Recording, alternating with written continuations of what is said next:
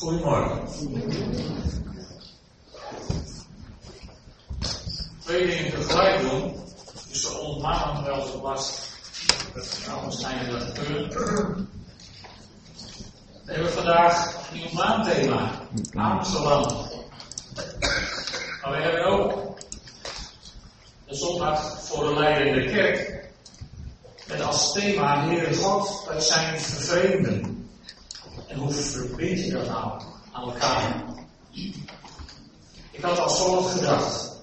Als je als vreemde in een andere omgeving komt, kun je jezelf twijfelen aan waar ben ik in hemelsnaam aangeland. De eerste vraag is of het wel in hemelsnaam is dat je daar bent aangeland. Ik denk je vaak aanlandt op een van vervolging, plekken waar het slecht gaat. Niet in de hemelsnaam, maar juist als activiteit van het Rijk van de duisternis. Wat er ook uit is om de kinderen van God in de verdrukking te brengen. Toen ik vorige week, we Pinkstervieren preekte over de Heilige Geest, toen schoot die gedachte door mijn hoofd dat als de Heilige Geest hier nu zou zijn, zou ik zich dan misschien ook niet afvragen waar ik nou nog ben aangeland. Want zoals we vorige week hebben gezien, dat de uitstorting van de Heilige Geest op de eerste Pinksterdag en al die uitingen daarna helemaal niet leken op de profetie uit Joel 2. Zo lijkt volgens mij de kerkdienst van vandaag helemaal niet meer op de samenkomst uit het begin van de kerk. Kijk maar even, wij hebben een, een mooi kerkgebouw met onze gemeentenaam, heel prominent, buiten op gevel. En de eerste christenen die kwamen samen in de huizen en na een kort tijdje moesten ze zelfs stiekem samenkomen op verborgen plaatsen. En dat moeten heel veel christenen tot de dag van vandaag. Uh, wij hebben heel veel voor onszelf en moeite om het gezamenlijke voor elkaar te houden. Als je kijkt naar het plaatje van het dak in Jeruzalem hadden ze alles gemeenschappelijk. Dus gemeenschappelijk hadden ze geen problemen. Ja, het nadeel was dat ze daarna na een tijdje persoonlijk. En dat moet je natuurlijk ook niet willen. En uh, over ons, hier in Europa, haalt de gemeenschap de schouders op. Terwijl zij in aanzien stonden bij het hele volk, of gehaat werden door het hele volk. Maar in ieder geval waren ze goed duidelijk in beeld bij iedereen. Want iedereen bemoeide zich ermee, net zoals in landen waar christenen vervolgd worden. Zij moeten in. En uh, hun aantal, staat in de Bijbel, breidde zich dagelijks uit. Terwijl in Nederland kerken te koop worden aangeboden voor allerhande doeleinden, omdat er christelijk geen belangstelling meer voor is. En bij gebrek aan vervolging vliegen wij elkaar in de haren als gemeentes onderling. En zelfs intern in de gemeentes. Toen ik daarover nadacht, toen vroeg ik me inderdaad af, waar zijn wij toch aangeland met z'n allen? Lijden wij misschien aan gebrek aan vervolging? Misschien denk ik, nee, nee, want vervolging is niet normaal. Nou, ik neem jullie even mee naar 1 Petrus 4. Drie versen, ik lees ze even voor, omwille van de tijd. 1 Petrus 4, vers 12 tot 14. Dan zegt Petrus, geliefde broeders en zusters, wees niet verbaasd over de vuurproef die u ondergaat. Er overkomt u niets uitzonderlijks. Met andere woorden, vervolging was niets uitzonderlijks. En hoe meer u deel hebt aan Christus lijden, des te meer moet u zich verheugen en des te uitbundiger zal uw vreugde zijn wanneer luister openbaard wordt. Als u gehoond wordt en dat u de naam van Christus draagt, prijs u dan gelukkig. Want dat betekent dat de geest van God in al zijn luisteren op u rust. Had ik dat nu voor het laatst gewoon uw geloof? Nou, ik wil deze tekst niet omkeren, maar. Goed, kijk er maar eens naar. Jezus zei er ook iets over vervolgingen in de Evangelie. In Matthäus 13 dan zegt Jezus, wat jullie zelf betreft, pas goed op. Jullie zullen voor het gerecht worden geslepen en in synagogen worden gegezeld. En jullie zullen voor gouverneurs en koningen moeten verschijnen om voor hen van mij te getuigen. Want eerst moet aan alle volken het goede nieuws worden verkondigd. Wanneer jullie worden weggevoerd om te worden overgeleverd, maak je dan vooraf geen zorgen over wat je zult gaan zeggen.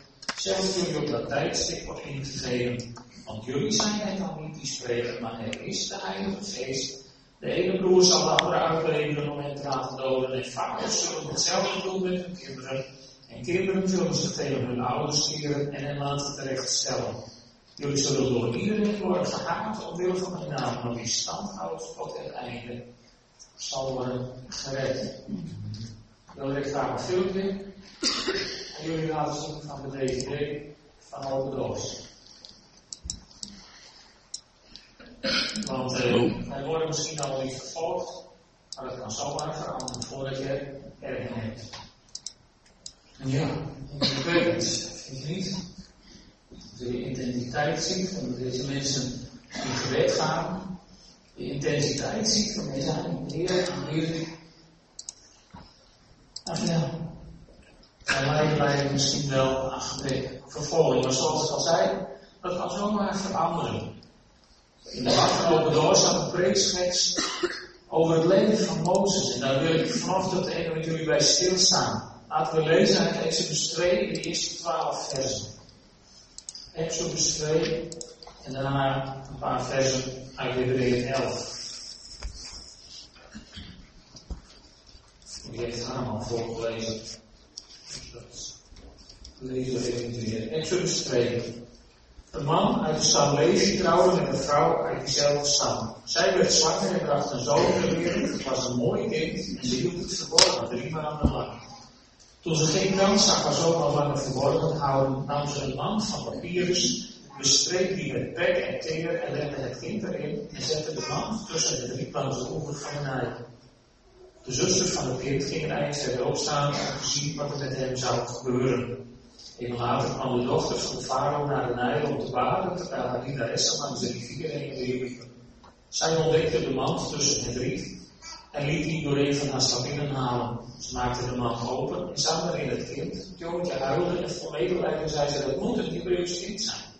Toen kwam de zuster van het kind aan vragen, zal ik bij de Hebreeuwse vrouwen een voedster gaan zoeken om het kind voor je te voeden? Ja, doe dat maar, antwoordde de dochter van de farao, waarop het meisje de moeder van het kind ging halen. De dochter van Farao zei tegen de vrouw, neem het kind mee en voed het voor me, ik zal het weer voor je betalen. De vrouw nam het kind mee en voerde het, toen het groot genoeg was, bracht ze het naar de dochter van de farao. Deze nam het kind aan als haar eigen zoon. Ze noemde hem Mozes, want zei ze, ik heb hem uit het water gehaald. Toen Mozes volwassen geworden was, zocht hij op een dag de mensen van zijn volk op. Hij zag welke zware ze verrichtten en was het getuige van dat een Hebreeër, een volksgenoot van hem, door een Egyptenaar werd geslagen. Hij keek om zich heen en toen hij zag dat er niemand in de buurt was, sloeg hij de Egyptenaar dood. Hij verborg hem onder het zand. Mozes. Mozes is zo'n kind uit de vervolging. Een kind waar de duivel het kennelijk op, op gemunt heeft. En er zijn in de Bijbel meer van die situaties van kinderen waar de duivel het op gemunt heeft. In 2 Koningen 11 staat het verhaal van koning Joas. Daar was zijn moeder, was een dochter van Agab en Izebel. En toen de koning stierf, toen liet ze het hele geslacht van David uitroeien. Dacht ze op één naam. Joas. Die werd ook lang verborgen gehouden en op een gegeven moment werd hij koning. En uh, veel later wordt de Heer Jezus geboren en Herodes is uit om de Heer Jezus, het kindje Jezus, te doden. En hij moet met zijn moeder vluchten naar de duivel is uit op het leven van kinderen, van christenen in landen waar hij kan vervolgen. Omdat hij weet dat als hij de kinderen uitroeit, dan ben je van de volgende generatie af. En dan sterft de kerk vanzelf uit. En hoe was die situatie dan in Egypte? Het volk Israël woonde in Egypte en ze waren een bevoorrechte klasse in Egypte. Want zij waren familie van een onderkoning. Nou, dat was niet niks. Dus ze hadden een beschermde status. En, en, en dan plotseling, dan komt er een farao die Mozes niet gekend heeft, zegt de Bijbel. En die, en die gaat het volk vervolgen. En zo waren ze van de ene dag op de andere worden ze van, van vriend van de staat, volkszijand nummer 1. Zomaar ineens. Zomaar ineens. Want deze farao die zaaide, die zaaide verdeeldheid en hij zaaide angst. En daardoor gingen mensen vanuit die angst reageren. Nog niet zo lang geleden woonden christenen en moslims vredig samen in Indonesië. Totdat bepaalde imams haat gingen zaaien, verdeeldheid gingen zaaien en nu staan ze elkaar naar het leven. Nog korter geleden gebeurde hetzelfde in Nigeria, waar christenen opeens werden aangevallen en gedood door de moslimburen, waar ze jarenlang in vrede naast hadden gewoond. Zomaar van de ene dag op de andere komt die angst, die ondergrondse weerstand die er is tegen het evangelie van Jezus Christus boven water om dood en verderf te zaaien. In deze tijd dus, hè, ik praat over de afgelopen 10, 15 jaar misschien, Indonesië en, en Nigeria, twee landen waar het zomaar gebeurt. We moeten ons realiseren dat dat geen mensenwerk is. Paulus waarschuwt ons in Efeze 6, vers 12 dat we niet hebben te strijden tegen, tegen vlees en bloed, maar tegen de overheden en de machten in de hemelse gewesten. De Bijbel is duidelijk over de machten die zitten achter de vervolging van christenen. Maar God gaat ook iets bijzonders doen als er druk komt. Wat lezen we in, eh, in, in het verhaal van het volk in Egypte? In Exodus 1, vers 12 staat hoe meer ze onderdrukt, hoe talrijker het werd en hoe meer het zich uitbreiden. Alsof onder de druk juist God extra ging zegenen om zijn volk te behouden. En dan komt die opdracht om de jongetjes te verdrinken in de Nijl. En dan is daar dat bijzondere echtpaar, Amram en Jochebed. En die hebben net een jongetje gekregen. Dat ze niet willen afstaan. Misschien zagen ze in dat jongetje wel iets van de hand van God. In ieder geval putten ze volgens Hebreeën 11 iets van hoop uit dit kind. En besloten ze om het kind niet af te staan, maar het verborgen te houden. En later brengen ze door middel van een list, zomaar door een God ingegeven list, brengen ze het kind aan het hoofd van Farao. Want God had een plan met Mozes. En daarvoor moest Mozes ten eerste goed worden opgeleid in staatkunde en, en dat soort dingen, zodat hij een groot volk zou kunnen leiden. Daarna moest hij lang leren, hoe je met zo'n door de woestijn Dus weet hij bijvoorbeeld tot schaapherder op een andere brengen. Maar voorlopig komt hij aan het hof van Mozes, van, van, van. En, en dan maakt Mozes een keuze. In de herziene statenvertaling, daar wordt hier de nadruk op opgelegd dan staat dat Mozes naar zijn broeders vertrok, alsof hij verhuisde. Maar, daar geeft geen enkele andere vertaling wat ruggensteun voor. Maar wat je opvalt is wel dat, dat Mozes op een dag gaat kijken, niet zomaar bij die slaven uit de vrede, maar de Bijbel zegt, nee, Mozes ging kijken bij zijn broeders, de Hebreeën. Hebreeën. Dus hij was zich bewust van zijn afstamming. Hij was zich bewust van zijn positie. Hij wist donders goed dat hij een vervreemde was aan het hoofd van de farao. Weliswaar getolereerd, maar niet meer dan dat. En hij wist dat zijn wortels lagen bij die mensen die daar zo verdrukt werden en vernederd en uitgebuit. En op een dag maakt hij de keuze om bij zijn broeders te gaan zoeken. Hebreeën zegt daar iets over. Er staat in vers 24 van Hebreeën 11, door zijn geloof weigerde Mozes toen hij volwassen werd aangesproken worden als zoon van de dochter van de farao. Liever werd hij even slecht behandeld als het volk van God, dan dat hij vluchtig voordeel had bij de zoon. Dus hij maakte een keuze. Hij koos ervoor om zijn comfortzone op te geven en de kant te zoeken van het volk van God. Weet je, het leven, dat staat bol van deze keuzes. En wij worden dan nog niet vervolgd, maar ook in dit maken maken wij onze keuzes.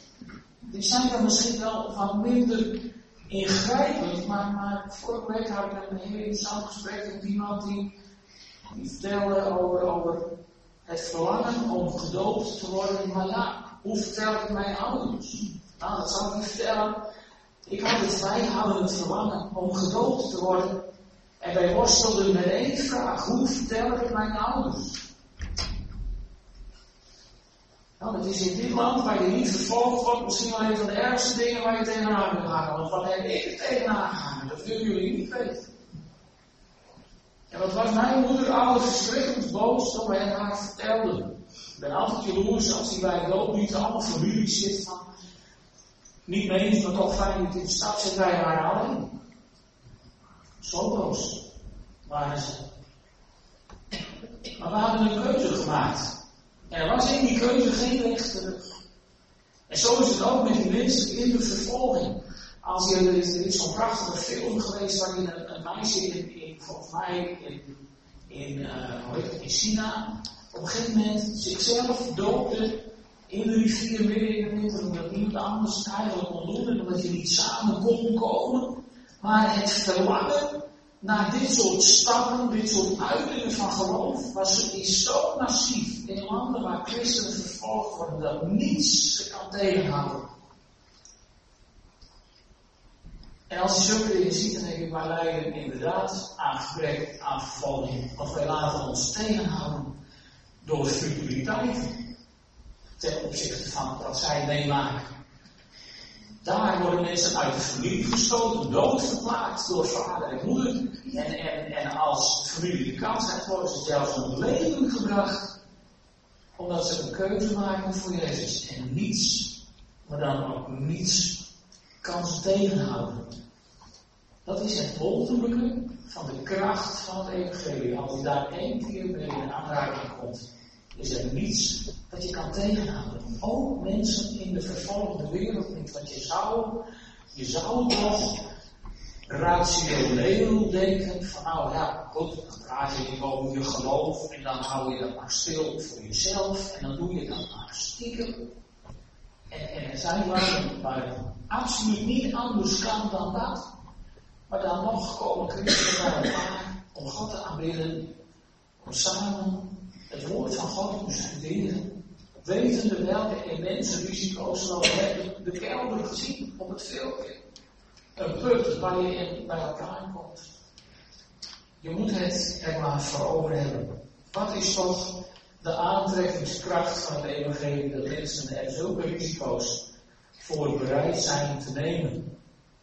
En waar zijn wij dan in hemelsnaam aangeland met elkaar dat we ons soms zo schamen misschien wel voor de stap die we moeten zetten. Want die geloofstappen, die kosten iets in een land waar christenvervolging is. Zoals Mozes koos, zoals Hebreeën om met zijn volk slecht behandeld te worden. Zo, koos, kiezen moslims, hindoes en boeddhisten die christenen worden in landen waar dat verboden is. Ook voor, voor deze dingen. En, en die worden voorbeeld genoemd van twee kinderen van een pastor in Pakistan, die allebei succesvol afstuderen in Amerika. En je denken, dan ligt daar de wereld aan je voeten. En wat deden deze twee afgestudeerde mannen? Die verhuisden naar Pakistan om met een diploma en hun kennis de kerk te dienen. En we weten allemaal hoe bloedig dat is in een land als Pakistan. Dat zijn geen normale keuzes. Dat zijn keuzes van mensen die gedreven worden door de geest van God en hun leuven gepakt zijn door God en maar één doel hebben. Ik wil Jezus dienen op de plek waar Hij wil hebben. En daar zijn ze een enorm groot voorbeeld voor ons. En, en weet je, als je naar Mozes kijkt en naar deze mensen, dan vraag je af, wat, wat drijft hen nou om uit hun comfortzone te stappen en dit soort keuzes te maken. Wel, in Hebreeën 11 wordt er gezegd in vers 26, omdat hij uitzag naar de beloning, waardoor hij de smaak van Christus hoger dan de schaal van Egypte, naar de beloning. Wij zijn misschien wel zo puur Calvinistisch geworden in Nederland dat het Alleen het woord beloning al voor ons iets verdachts in zich heeft. En voordat je het weet, word je beschuldigd van verkondiging van het welvaartsevangelie. Maar hoe dan ook, de Bijbel zegt, Mozes had de beloning voor ogen en daarom maakte hij deze keuze. En je hebt in dat filmpje mensen gezien die zeiden, je kunt mij doden, maar dan ga ik naar Jezus. Je kunt mij alleen afnemen, maar weer doe ik toch. Met andere woorden, waarvoor doen ze het? Ze hebben die beloning voor ogen die op ons wacht als we boven in de hemel zijn bij Jezus. Beseffen wij ons hoe groot die beloning is. Mozes had het voor ogen en, en Jezus die zegt ons in Matthäus 5, vers 12, daar zegt hij, verblijd u en verheug u. Dus aan het eind van de zakenspreking sluit hij af met deze zin, verblijd u en verheug u, want uw loon is groot in de hemel. Kennelijk wacht er na dit leven in de hemel iets bijzonders op ons. En dat mogen we ook wel eens voor ogen houden. Zonder in dat fatalisme te vervallen van, nou ja, maak je vrouw niet druk over dit leven en hoe het gaat, dan later wordt het toch allemaal beter. Natuurlijk wordt het later allemaal beter, maar dat hoeft geen excuus te zijn om het hier niet zo goed mogelijk te hebben met elkaar. Alleen dat is voor je arme mensen in die landen helemaal niet eens een optie. En toch maken zij die keuzes. Toch kiezen ze ervoor om ondanks de prijs die het heeft, Jezus Christus te volgen.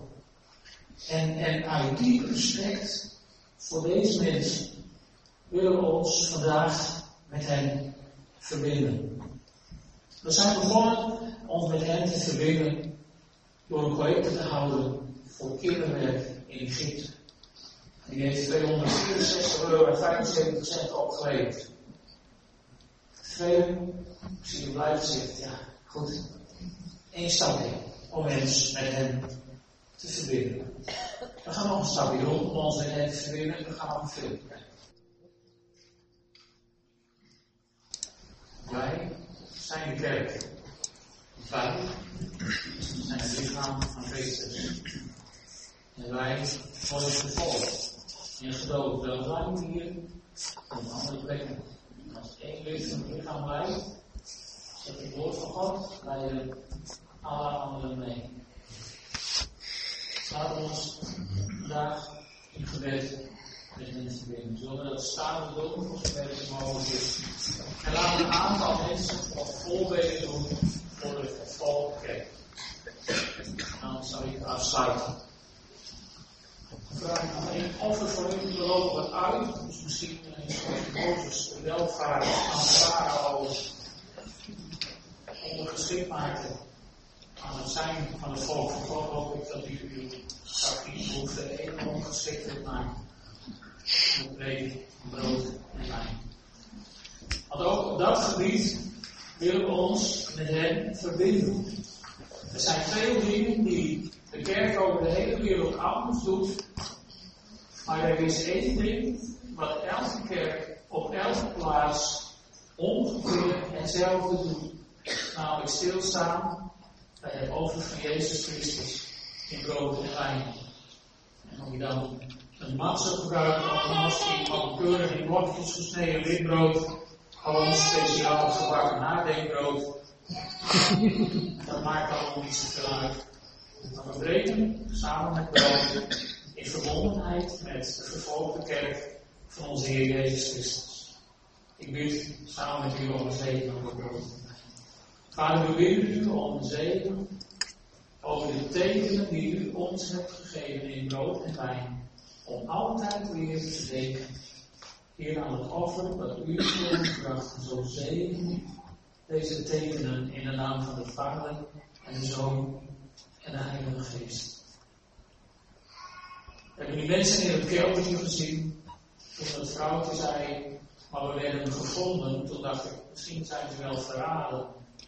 Dan hebben ze een goede voorganger, want in de nacht waarin hij verraden werd, nam onze Heer Jezus een brood.